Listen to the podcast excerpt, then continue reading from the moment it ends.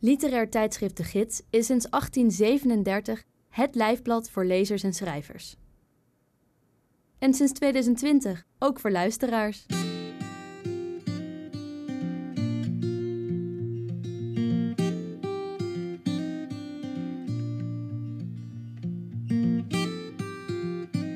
Je luistert naar de 69ste aflevering van Sprekende Letteren.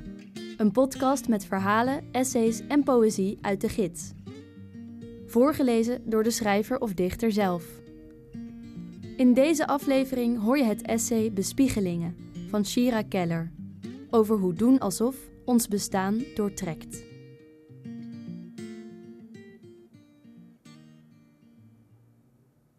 Bespiegelingen. Astronaut, waar ben je?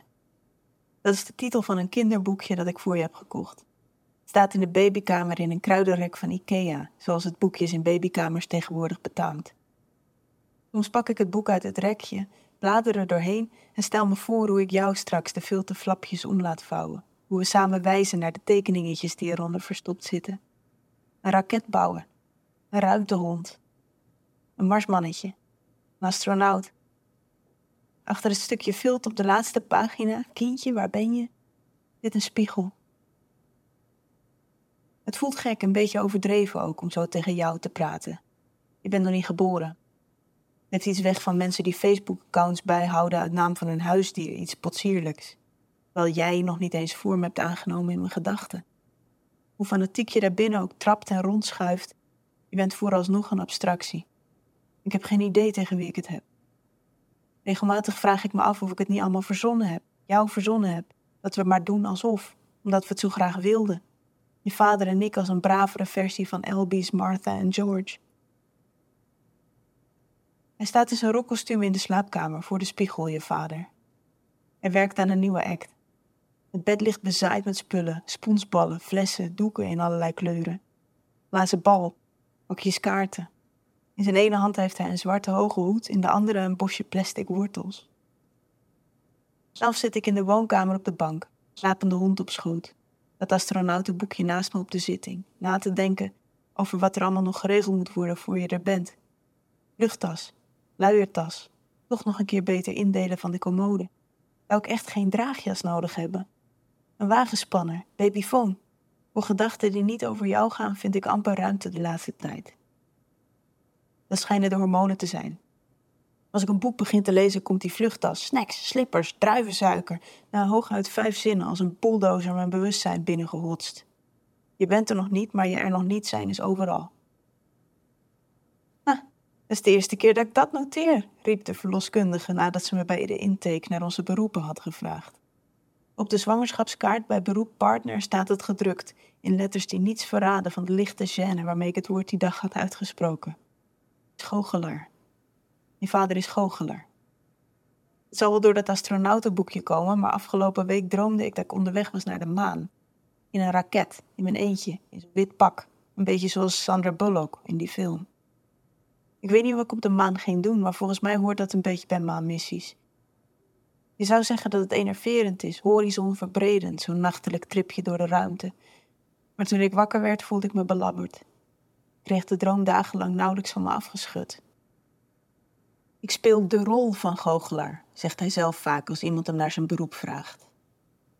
Dat heeft hij van Robert Houdin, een Franse goochelaar uit de 19e eeuw, die zei dat altijd. In het Nederlands is het een beetje dubbelop. In het woord goochelaar zit het spel, de misleiding al ingebakken. Een goochelaar doet maar alsof. Dat is waarom veel goochelaars zich geen goochelaar noemen. Illusionisten, mentalisten, magiërs. Derek Ogilvy we willen dat de toeschouwers denken dat het allemaal echt is. Ja, echt, niet echt.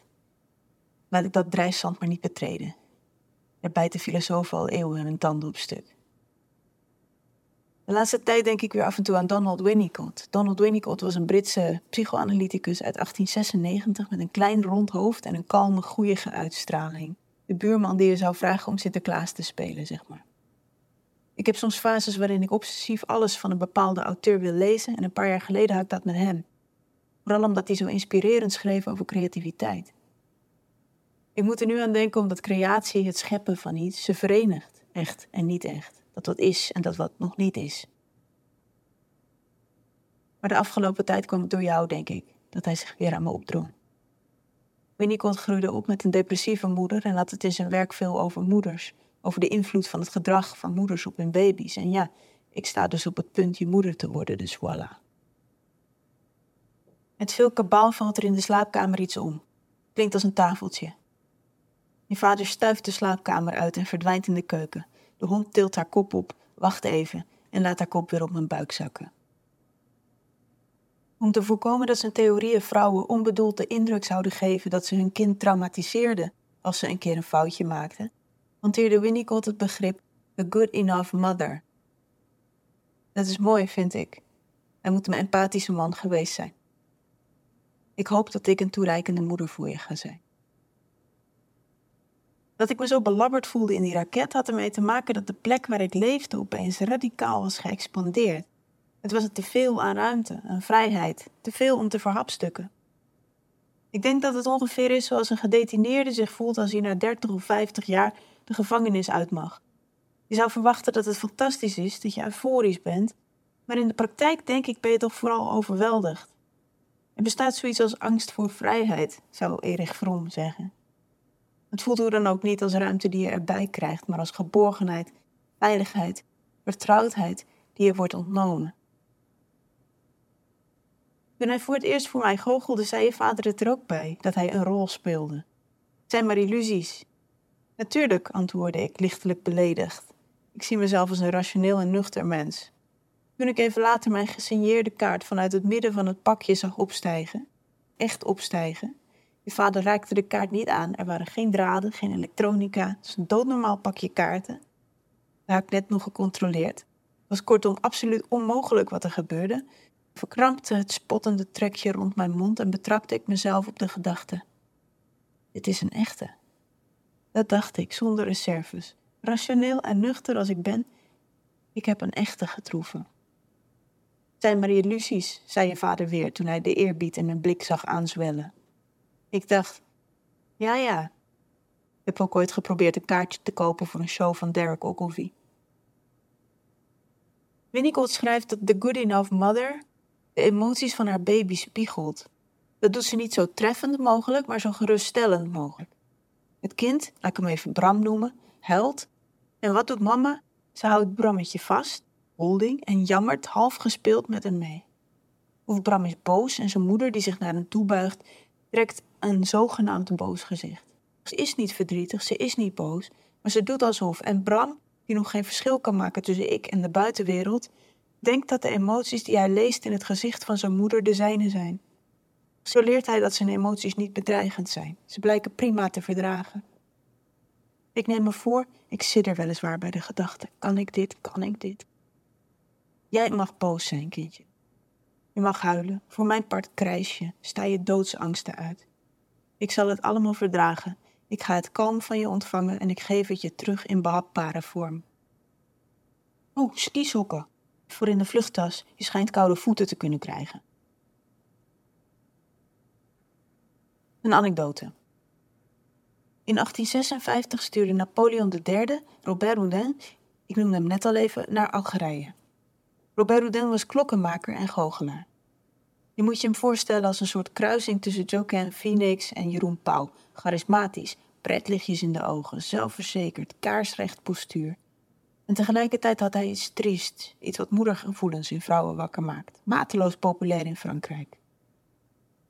De reden dat Napoleon hem inschakelde was dat er in Algerije een groep religieuze leiders was opgestaan, de marabouts, die zich wilden losmaken van Frankrijk. Ze hanteerde goochelprincipes over hete kolen lopen, slangenbezwering, waarzeggerij, om het volk van hun macht te overtuigen. Napoleon had Robert Houdin opdracht gegeven de aanhangers van de marabouts te laten zien dat Franse magie sterker was. Robert Houdin reisde dus naar Algerije en begon daar zijn shows op te voeren. Acts die hij in Parijs als comedynummers bracht, voerde hij hier bloedserieus op. Het werkte Algerijnse rebellen dachten met een soort halfgod te maken te hebben. Een van de trucs waarmee Robert Houdin de Algerijnen wist te imponeren was de bullet catch. Hij vroeg een van de marabouts om met een gemarkeerde kogel op hem te schieten. Nadat de marabout de trekker had overgehaald, ving Robert Houdin de afgeschoten kogel tussen zijn tanden. Vervolgens nam hij zijn eigen geweer en schoot ermee tegen een witte muur, waarna de muur begon te bloeden. Het verhaal gaat dat de marabouts zo onder de indruk waren van Robert Houdins magie dat ze trouw aan Frankrijk beloofden. Voor zijn terugkeer naar Frankrijk schijnt Robert Houdin ze nog op het hart te hebben gedrukt dat ze niet moesten geloven dat hij over magische krachten beschikte. Het waren maar illusies. Je vader beent weer terug naar de slaapkamer, opwaaiende flappen van zijn rokkostuum, in zijn hand een stoffer en blik. De hond opent haar ogen en sluit ze weer. Dadels ook niet vergeten. Er zit een ethisch bezwaar aan het voorwenden van bovennatuurlijke krachten. Daarom zei Robert Houdin dat erbij. Daarom heeft je vader het tot vervelens toe over die rol die hij speelt.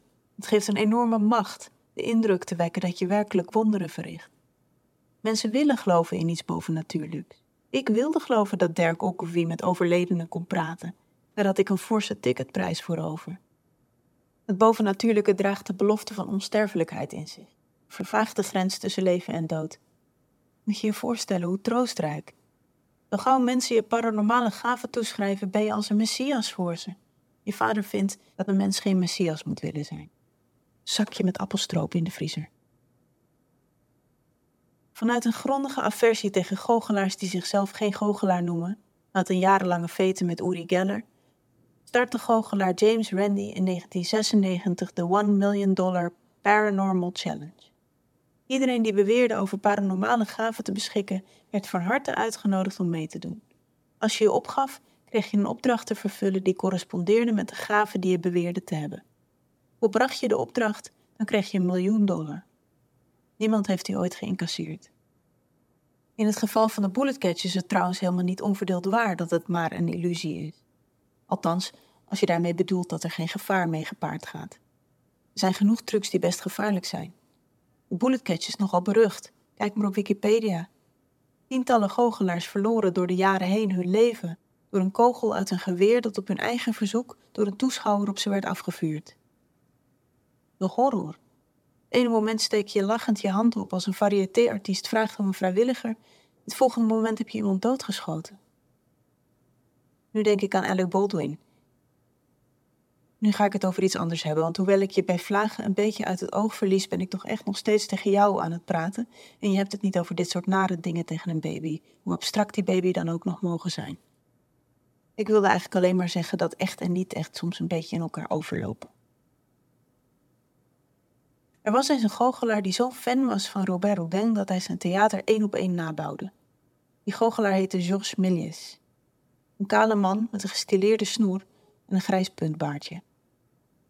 Hij moet vrij rijk geweest zijn, want naast het feit dat hij Robert Houdin's theater nabouwde, gaf hij fortuin uit aan een filmprojector om zijn show mee te verrijken. Hij bouwde het ding om tot een camera en begon filmpjes te maken. Het apparaat moet zijn creativiteit nogal een boost gegeven hebben, want hij ging als een bezetene aan de slag en maakte er honderden. Het waren goocheltrucs op film, special effects. Mensen uitgedost in extravagante theaterkostuums die plotseling verdwijnen, verschijnen, zweven, zich vermenigvuldigen.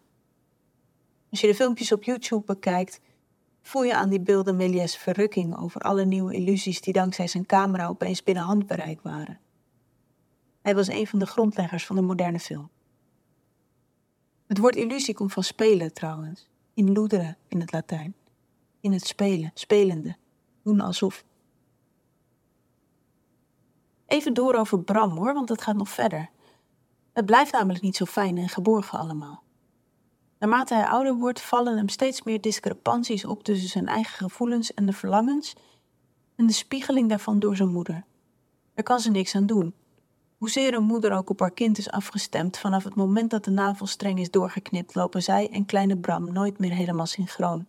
En hoe ouder hij wordt, hoe vaker het Bram opvalt dat zijn spiegelbeeld, zijn moeder, niet correspondeert met wat er in hem omgaat.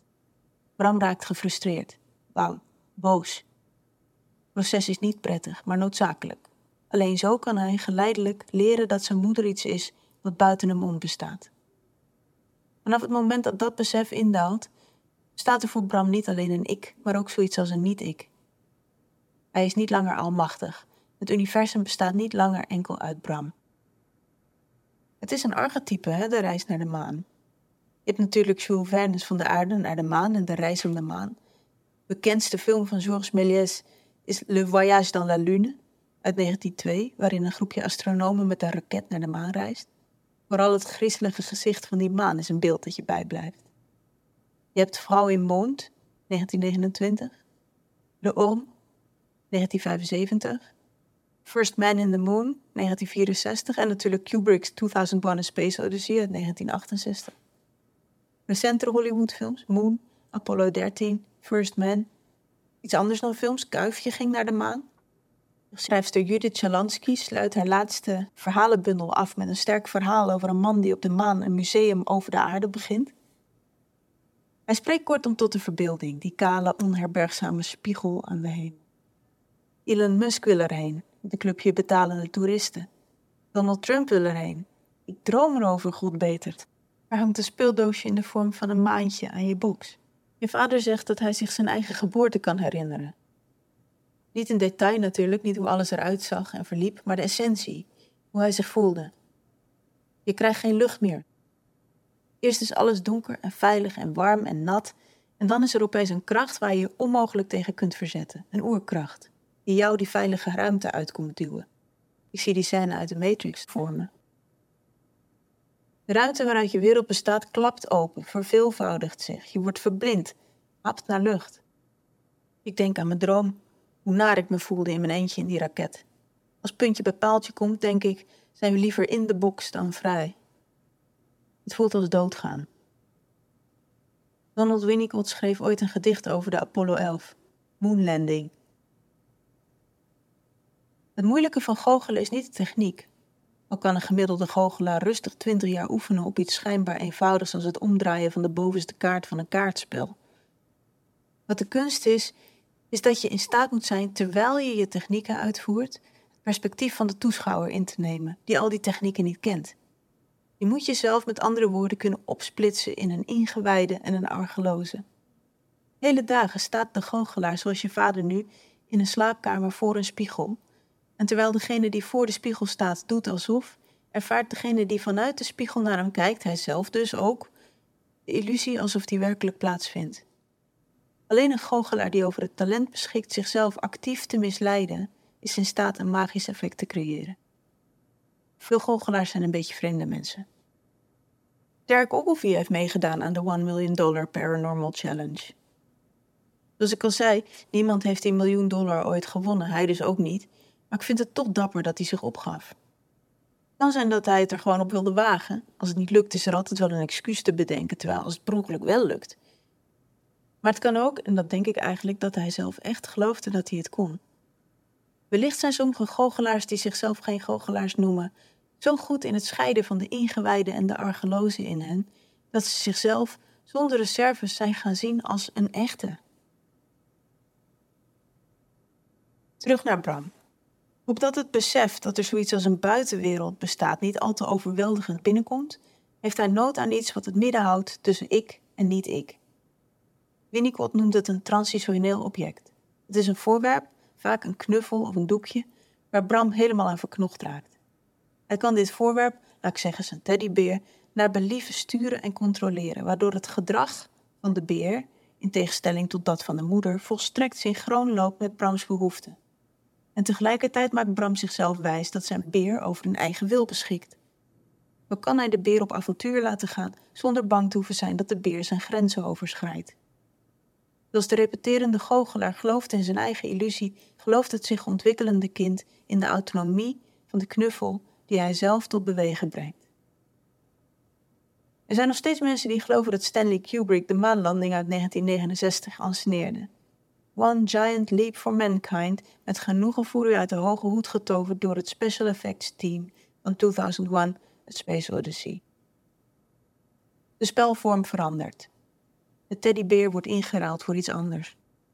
Sporten, lezen, muziek maken, zich de stuipen op het lijf laten jagen door een horrorfilm in de bioscoop. Humor, theater, poëzie, diamond painting, iets met een bosje plastic wortels. Net als kleine Bram heeft de volwassene behoefte aan een transitionele ruimte, zegt Winnicott. Een ruimte waar hij zich veilig voelt, waar hij controle ervaart en zich tegelijkertijd begeeft op onbekend terrein. Een ruimte waar wat nog niet is, verkend kan worden. Waar echt en niet echt in elkaar overlopen, in en out of the box. Zonder dat je er werkelijk gevaar loopt. Het is die transitionele ruimte, die spelruimte, waar creativiteit zich ophoudt. De momenten waarop we creatief zijn, zegt Winnicott, zijn de enige momenten waarop we werkelijk het gevoel hebben dat we zonder reserves onszelf kunnen zijn. Het is maar een illusie, zoals Georges Méliès gezegd hebben tegen de mensen die naar zijn films kwamen kijken en sidderden bij de aanblik van zoveel onmogelijks. Het is maar fictie, zei Jules Verne. En toch, ruim een eeuw later bestaan er onderzeeërs. Maakt men reizen rond de wereld, vliegen naar raketten naar de maan. Je komst voelt nog steeds onwerkelijk, maar zal niet zo lang meer op zich laten wachten. Een week of twee, hooguit drie nog.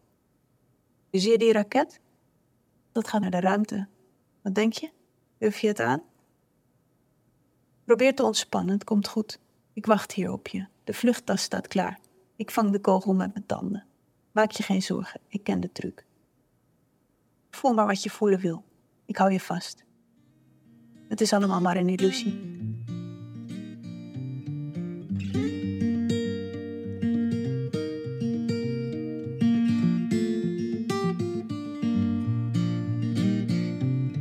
Je luisterde naar Bespiegelingen, een essay van Shira Keller. Shira Keller studeerde af als theatermaker aan de Toneelacademie Maastricht. Ze schreef de roman M en werkt als boekrecensent voor NRC en Trouw. Wil je dit essay lezen? Dat kan. Alle bijdragen die je in sprekende letteren hoort, zijn terug te vinden op onze website www.de-gids.nl. Wat je ook kunt doen op die website is een abonnement nemen op de gids. Vanaf 20 euro per jaar ben je al abonnee en steun je het langstlopende literaire tijdschrift van Nederland.